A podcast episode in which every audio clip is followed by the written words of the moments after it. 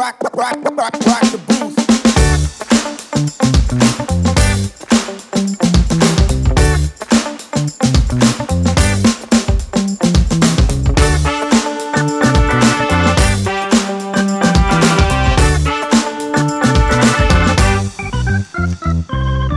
semuanya, jumpa lagi bersama aku Ayumi di DDTC Potex, Making Tax Fun for Everyone. Kali ini Ayumi akan ditemani mengobrol oleh Bu Christine Chen, yaitu dosen dan koordinator Tax Education and Research Center LPM Fakultas Ekonomi dan Bisnis Universitas Indonesia. Nah, di episode kali ini kita juga akan mengadakan kuis berhadiah. Untuk mengetahui apa kuisnya dan bagaimana sih mekanismenya, tonton terus sampai akhir ya. Nah, kali ini kita akan membahas mengenai kepatuhan pajak. Berdasarkan data dari Direktorat Jenderal Pajak, rasio kepatuhan formal periode 2017 sampai 2019 masih tergolong fluktuatif. Pada 2017, rasio kepatuhan formal mencapai 72,6 persen dan selanjutnya sempat turun pada 2018 menjadi 71,1 persen.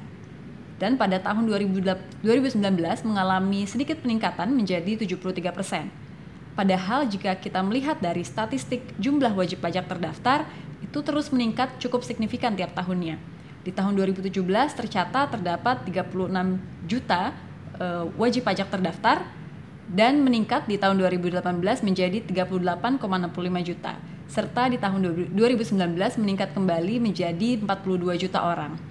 Nah, kira-kira mengapa ya rasio kepatuhan formal uh, bisa dibilang cenderung rendah Salah satunya adalah masih tingginya atau masih cukup tingginya biaya kepatuhan pajak di Indonesia. Nah, seperti apa sih kira-kira konsep biaya kepatuhan pajak di Indonesia? Yuk kita sambungkan dulu ke Bu Christine. Halo Bu Christine, apa kabar Hai, Bu hai. hari ini? Baik, baik. Apa kabar kamu? Baik juga Bu Christine kelihatannya segar sekali ya. Semoga sehat selalu nih Bu. Amin. Sama-sama ya. Semoga kita semua sehat dan selalu bahagia. Amin, sehat dan bahagia betul Bu. Jangan lupa bahagia ya. Baik Bu. Nah kita kan pada hari ini akan membicarakan mengenai kepatuhan pajak. Ini isu yang eh, sebenarnya bisa dibilang umum tapi krusial begitu ya Bu ya eh, dalam isu perpajakan begitu. Karena eh, seperti kita ketahui eh, bahwa kepatuhan pajak di Indonesia bisa dibilang belum optimal begitu.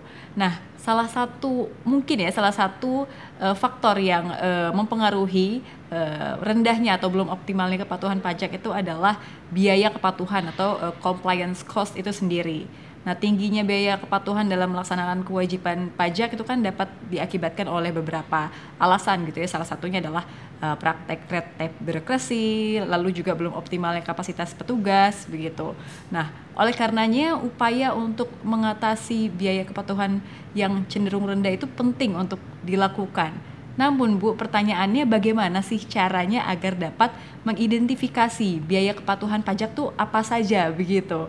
Nah, dalam hal ini kan belakangan terdapat studi dari University of New South Wales Australia ya mengenai metode dalam mengukur biaya kepatuhan pajak khususnya PPN di suatu negara. Nah, ini studinya sepertinya menjadi relevan nih Bu jika dikaitkan dengan konteks Indonesia mengingat 35 sampai 40 persen eh, penerimaan pajak Indonesia itu kan berasal dari PPN begitu. Nah, untuk eh, menyelami isu tersebut lebih dalam, makanya aku mencoba mengajak ngobrol Bu Christine nih sebagai salah satu kontributor penelitian tersebut begitu. Nah, sebelum eh, lebih jauh Bu, aku ingin eh, tahu dulu dong Bu, eh, bagaimana sih Bu secara singkat konsep biaya kepatuhan pajak serta bagaimana sih latar belakang penelitian eh, UNSW ini Bu? Oh, oke. Ya, eh, jadi tadi Ayumi tanya mengenai sebenarnya apa sih eh, tax compliance cost itu ya, biaya Betul. kepatuhan pajak. Mungkin saya jawab secara singkat aja karena waktunya juga kan nggak panjang. Jadi kalau misalnya kita ngomongin tentang biaya kepatuhan pajak itu adalah eh, kalau secara teori itu adalah sejumlah biaya ya yang harus eh, dikeluarkan atau dibayar oleh si wajib pajak dalam eh, melaksanakan pemba- eh, pembayaran atau memenuhi kewajiban perpajakannya.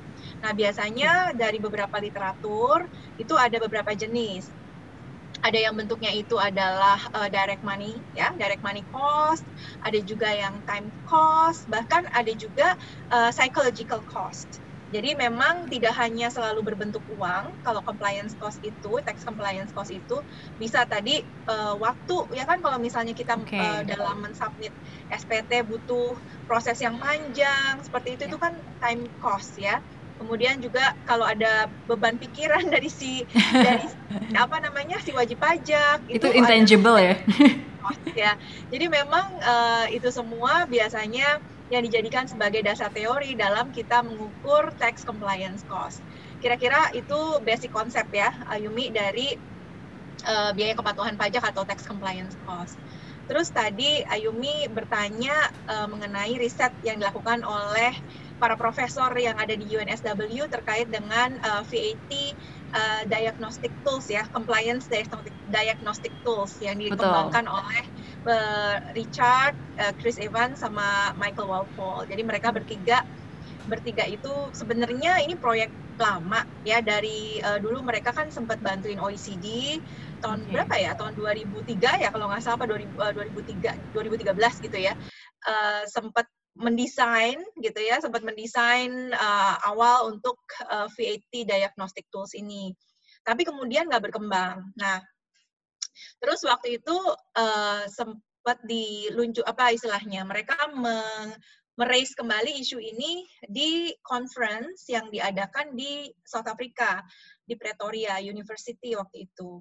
Nah kebetulan uh, itu kan tentang VAT. Kebetulan waktu itu uh, Profesor Chris Evans uh, ngajak saya untuk uh, ikut conference tersebut gitu tentang PPN tentang VAT. Jadi di situ kita mendengarkan presentasi dari uh, uh, si Profesor Richard. Um, dia sharing tentang uh, apa planning dia terkait dengan uh, pengembangan VAT uh, diagnostic tools ini. Jadi mereka waktu itu akhirnya setelah ketemuan di Pretoria itu um, mereka mengajak um, mau bikin pilot project. Jadi waktu itu Chris bilang, okay. e, Christine kita mau bikin ini nih apa namanya survei. Uh, hmm. Mungkin kita mau survei piloting dulu nih 13 negara. Dia ngumpulin tuh beberapa oh. beberapa akademisi-akademisi dari beberapa negara dan terkumpullah 13 negara. Hmm. Makanya yang pilot project pertama itu adalah 13 negara itu um, kalau okay. misalnya kita lihat di papernya itu kontributornya ada 13 ya negaranya Australia, Belgia, Kanada, Chili, Kroasia, Ethiopia, Greece, Indonesia, Malaysia, New Zealand, South Africa, UK dan Vietnam. Kira-kira itu kontributornya Yumi. Jadi representasi negara maju dan berkembang juga uh, ada ya Bu ya di uh, pilot project tersebut ya. begitu. Mereka mau kayaknya mau ngelihat uh, apa dua sudut pandang dari negara yang developed ya. country sama developing country nanti mereka lihat hasilnya ya. seperti ya. apa seperti itu. Oke, tahan dulu Bu. Ini seperti Ibu Kristen sudah mau ini ya berbicara apa sih perbedaannya antara dua negara eh, dua kelompok negara tersebut gitu. Kita akan menyelami lebih jauh. Namun sebelumnya Bu, ini kan berbagai lembaga internasional juga telah mengeluarkan alat atau metode untuk uh, penilaian eh, hal-hal serupa begitu ya, khususnya terkait daya saing investasi. Kira-kira apa Bu faktor yang membedakan metode penelitian ini dengan uh, metode lainnya yang berkembang? Uh, terus terang kalau misalnya secara detail saya juga nggak terlalu membandingkan ya antara antara beberapa metode tersebut. Karena kebetulan ini juga risetnya bukan riset saya pribadi kan saya cuma kontributor di sini membantu dan ikut proses uh, apa namanya diskusinya juga. Yeah. jadi kalau setahu saya ada beberapa yang yang cukup apa ya representatif misalnya kayak World Bank ya. World Bank uh, terkait dengan uh, World Bank doing business ya GD kemudian juga kalau yang uh, kalau saya lihat mungkin perbedaannya di sini uh, apa namanya key indicatornya mungkin berbeda ya antara antara yang dikembangkan sama uh, profesor di UNSW ini dengan dengan organisasi internasional yang tadi sudah uh, apa namanya membuat penilaian sendiri dan mereka sudah melakukan itu sepanjang tahun kan eh, sepanjang tahun dan okay. uh, eh, apa namanya surveinya juga lumayan banyak negaranya udah ratusan negara ya mereka. Kalau kita kan ini masih piloting nih yang seka okay. yang saat ini papernya yang yang dikasih sama Ayumi itu sebenarnya piloting. Hmm. Tapi sebenarnya paper terupdate-nya itu uh, mereka kerjasama dengan KPMG internasional kalau nggak salah uh, dinaikin jadi sekitar 47 negara. Tapi saya belum dapat final uh, paper yang terakhir ya. Uh, kalau misalnya kita lihat mungkin yang membedakan itu itu adalah uh, key indicator dari dari masing-masing uh, tools tersebut gitu. Kalau misalnya di riset ini yang jadi uh, key factornya itu dia bagi menjadi empat faktor. Yang pertama okay. adalah uh, terkait dengan tax law complexity, kemudian yang kedua itu number and frequency of requirement to comply, dan yang ketiga itu revenue body capabilities in meeting taxpayer services and compliance needs. Dan faktor yang keempat adalah monetary cost benefit associated with the act of complying. So those are the key factors yang kita identifikasi di dalam survei tersebut dan akhirnya dianalisis oleh uh, si peneliti ini. Itu Oke. Okay. Menarik Bu, yang uh, dari empat tersebut uh, di bawahnya ada subkriteria uh, begitu ya Bu ya? Betul, betul, dari masing-masing itu. Uh, di paper ini ada 21 uh, 21 apa kriteria. Uh, dari empat dikembangkan menjadi 21 kriteria seperti itu. Yang selanjutnya dilakukan pembobotan begitu ya Bu betul, Christine? Betul, uh, okay. Jadi ada bobotnya, nanti ujung-ujungnya ada uh, weighted ya. Uh, yeah. itu ada weightednya berapa gitu untuk masing-masing negara. Oke baik, e, menarik sekali Bu. Nah ini kita masuk ke substansinya di Bu Christine. Berdasarkan pengalaman e, Bu Christine sebagai kontributor untuk Indonesia di penelitian tersebut, apa saja Bu temuan yang e, Ibu temukan terkait dengan VAT compliance cost di Indonesia? Apa saja sih indikator yang masih mungkin yang masih perlu diperbaiki, begitu Bu? Oke. Okay. Iya, jadi waktu itu mungkin sedikit cerita ya prosesnya. Gak apa-apa bu. ya. Karena kan kalau misalnya urusan sama pajak agak-agak kadang-kadang suka agak-agak ribet gitu ya. Jadi kebetulan ini uh, kita dapat surat pengantar dari UNSW untuk memudahkan kita uh, gather information dari uh, tax authority. Nah kebetulan okay. saya tidak hanya ke DJP, tetapi juga ke BKF juga.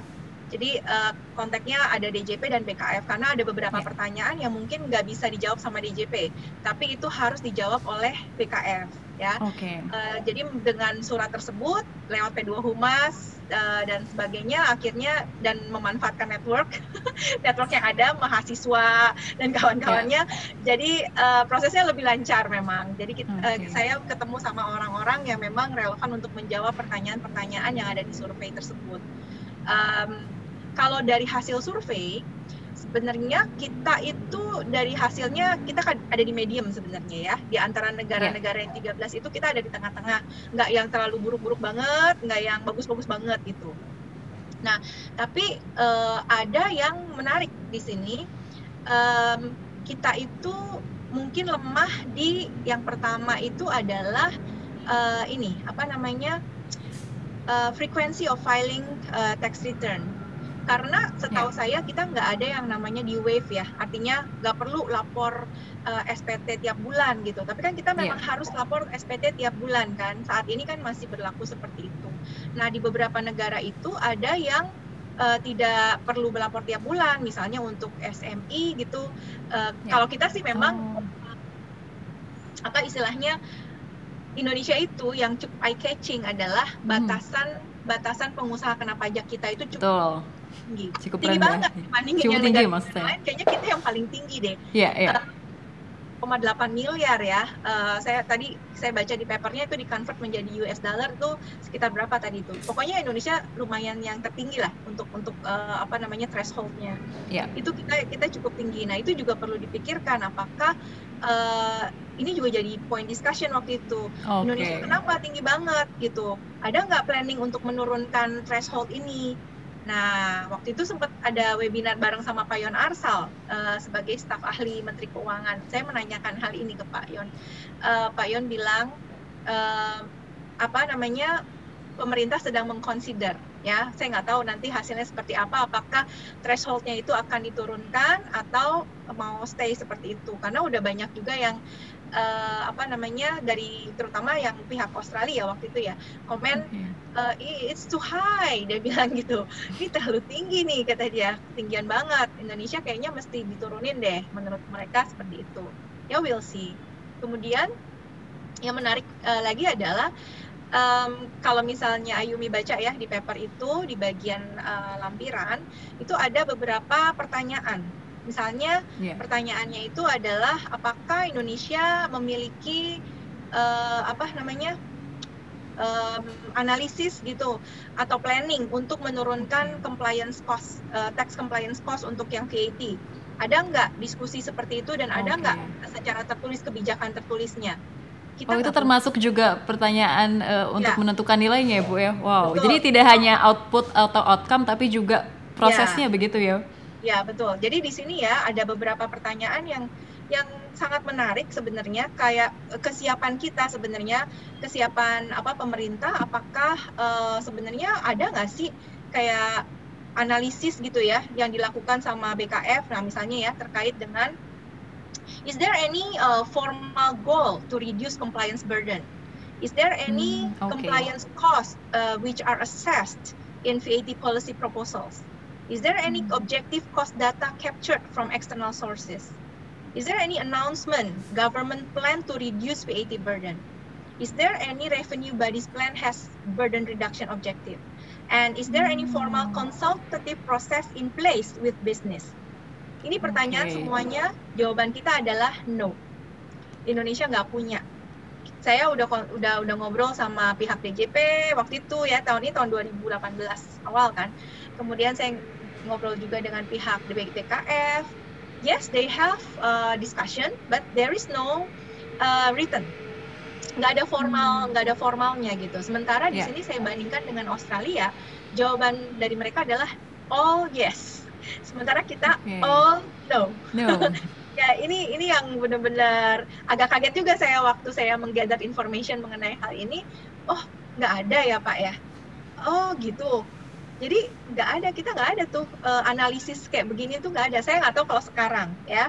Kan ini kan saya lakukan beberapa tahun yang lalu sekitar dua tahun yang lalu. Betul. Saya nggak tahu apakah eh, pemerintah kita yang sekarang ini sudah ada belum nih dokumen-dokumen ini gitu. Itu mungkin perlu di eh, diperbarui lagi nih eh, surveinya kalau pengen tahu kondisi saat ini ya. Kayak gitu sih Ayumi, itu cukup menarik. Baik. Ya, ya itu menarik sekali Bu. Eh, tadi juga sempat disampaikan em, mengenai beberapa good dan best practices ya di negara lain. Mungkin ada eh, terobosan lain Bu yang eh, mungkin cukup eh, mencengangkan gitu dan juga bisa ditiru begitu atau direplikasi di Indonesia. Em, ya, tadi kalau misalnya saya lihat itu ya, yang dokumen dari sisi pemerintah itu. Kemudian tadi apa namanya kita itu agak ter agak jelek juga penilaiannya untuk private ruling. Ya kan karena di private ruling di Indonesia kan nggak jelas kapan sih keluarnya gitu kan. Apakah ada timeline, deadline? Kita kan nggak ada, ya kan? Kita masukin aja ruling, kita nggak tahu keluarnya kapan gitu. Sementara di beberapa negara mereka eh, ada timeline dan lebih cepat keluarnya. Mungkin itu yang ha- harus dipertimbangkan juga oleh eh, tax authority Indonesia ya untuk mem- memberikan certainty bagi si wajib pajaknya. Karena kalau enggak kan eh, kebingungan, gray area, ini kan menambah compliance cost juga sebenarnya. Oke, baik. Eh, ada ini nggak Bu, emerging countries yang mendapatkan skor tinggi begitu, Bu? Emerging ya, emerging countries yang dapat skor wah saya mesti lihat dari risetnya ya. Oke. Dari sini saya nggak hafal. Tapi Atau juga ini kalau- menjadi trigger nih Bu untuk para viewers nih supaya bisa membaca juga ya. Iya betul di sini ada ininya. studi Cuma ya. memang sekali lagi di, di paper ini itu bukan yang final ya, Ayumi Oke. ya. Jadi ya. ini kan masih piloting kan. Jadi kalau Iya, misalnya dan, dan tujuan paper ini juga sebenarnya bukan memberikan rating, bukan.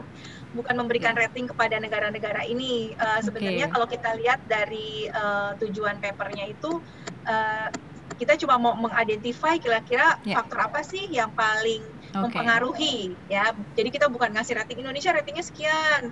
Enggak, we are not doing that gitu. Oke, itu juga ya menjadi salah satu pembeda juga ya eh, studi ini dengan eh, indeks-indeks lain ya begitu.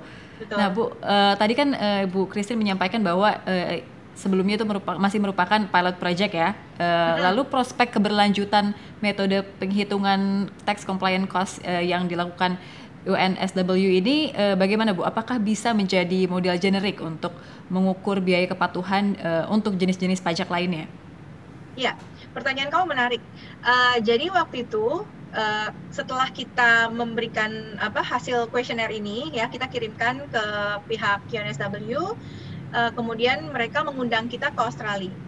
Jadi waktu itu saya dan 13 eh, dengan 12 negara lainnya ya berkumpul di di Sydney. Kita discuss mengenai hasil eh, survei ini. Dan kita juga ber apa namanya berdiskusi apakah ini kira-kira bisa nggak nanti kita pakai nih eh, sebagai pengukur untuk corporate tax misalkan ya. ya itu kita discuss juga jadi waktu itu memang rencananya uh, dari yang faktor-faktor yang sudah kita indikator-indikator ini kita akan aplikasikan juga untuk jenis pajak yang lainnya terutama untuk corporate tax uh, kita udah susun. Waktu itu ada beberapa indikator yang untuk corporate tax kira-kira relevan tuh apa gitu ya. Itu kita udah discuss juga waktu itu.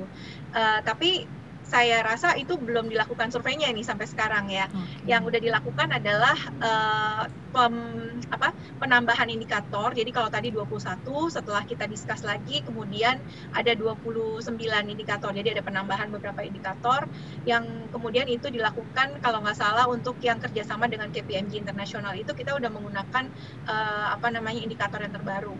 Tapi kalau misalnya untuk yang corporate tax, uh, saya belum terupdate apakah sudah dilakukan atau belum. Tapi kalau pertanyaannya Ayumi adalah apakah ini mungkin? Ya, mungkin. Ini kita bisa menggunakan tools ini untuk jenis pajak yang lainnya. Gitu Ayumi. Ya, menarik Bu. Semoga uh, di kemudian hari akan ini ya Bu ya, uh, research literatur mengenai uh, tax compliant cost begitu bisa berkembang begitu ya Bu. Harapan ya, kita semua. Ya, bisa karena kan memang gini uh, pertimbangan awalnya juga uh, menurut si peneliti tools yang ada itu kadang-kadang misalnya kita mau mengukur compliance cost dari suatu negara secara umum jadi dia tidak membedakan antara PPN, PPH oh, gitu ya. Okay. Jadi yeah. itu terlalu kompleks. Jadi susah untuk mengukurnya. Makanya profesor-profesor uh, ini akhirnya mengusulkan ya udah kita bikin dulu nih untuk yang VAT dulu. Nah, untuk VAT nanti baru kita bisa replicate ini untuk yang jenis-jenis pajak yang lainnya, tetapi uh, itu dipisahkan untuk masing-masing pajak karena mungkin masing-masing pajak itu kan punya behavior yang beda-beda ya. Uh, jadi nggak bisa kita blended seperti itu, digabungkan jadi satu, nanti menganalisisnya malah lebih susah gitu. Jadi makanya mereka berpikir untuk memisahkan uh, jenis-jenis pajak ini dengan uh, tools yang yang mungkin yang didesain untuk masing-masing jenis pajak. Walaupun mungkin secara benang merah nanti ada uh, secara garis besarnya sama, tapi yeah. mungkin detail indikatornya itu yeah. yang akan sedikit berbeda untuk masing-masing jenis pajak. Seperti itu Ayumi. Oke, baik Bu. Nah, eh, terakhir nih Bu Christine. Ini kita ya. mencoba merefleksikan kepada kebijakan yang diusung oleh pemerintah. Menurut Bu Christine sendiri bagaimana sih Bu peluang uh, dari terobosan kebijakan pemerintah khususnya Undang-Undang Cipta Kerja dalam uh, menurunkan biaya kepatuhan pajak di Indonesia? Oke, okay. wah ini kita ngomong sesuatu yang lagi happening banget nih ya. Iya bu, happening ya bu. Orang ngomong undang-undang cipta kerja. Ya, jadi kalau kita ngomongin pajak berarti kan kita ngomongin undang-undang cipta kerja subklaster perpajakan ya. Uh, secara umum kalau saya lihat uh, apa namanya dari sudut pandang uh, kita wajib pajak gitu itu cukup bagus ya.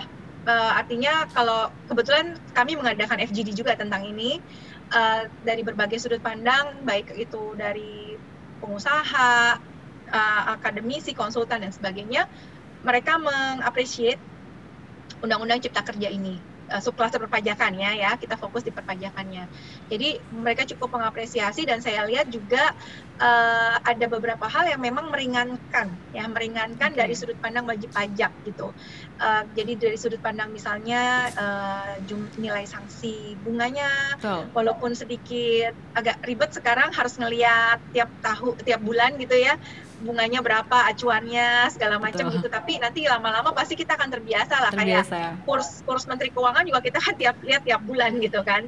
Uh, ini juga sama tiap bulan. Tapi in terms of um, nilai sanksinya akan lebih rendah. Dan juga uh, itu itu juga akan apa namanya memberikan kemudahan kan bagi si wajib pajak dan kemudian terkait dengan PPN misalnya karena kita lagi ngomongin PPN kan ada banyak relaksasi ya relaksasi pengkreditan pajak masukan segala macam itu uh, benefit banget buat si wajib pajak kalau saya lihat gitu jadi supposed to be uh, dengan adanya kemudahan yang diberikan oleh pemerintah atau keringanan yang diberikan oleh pemerintah harusnya ini meningkatkan uh, compliance dari si wajib pajak harusnya ke depannya. Ya. Uh, karena di mestinya ujung-ujungnya akan compliance cost-nya akan lebih rendah ya kalau compliance cost lebih rendah mudah-mudahan penghindaran pajak bah atau bahkan uh, fraud uh, apa namanya penggelapan pajak itu menurun jadi kalau misalkan apakah ini bisa mengurangi biaya kepatuhan pajak, kalau saya lihat sih bisa. Dengan catatan uh, aturan pelaksanaannya juga harus jelas.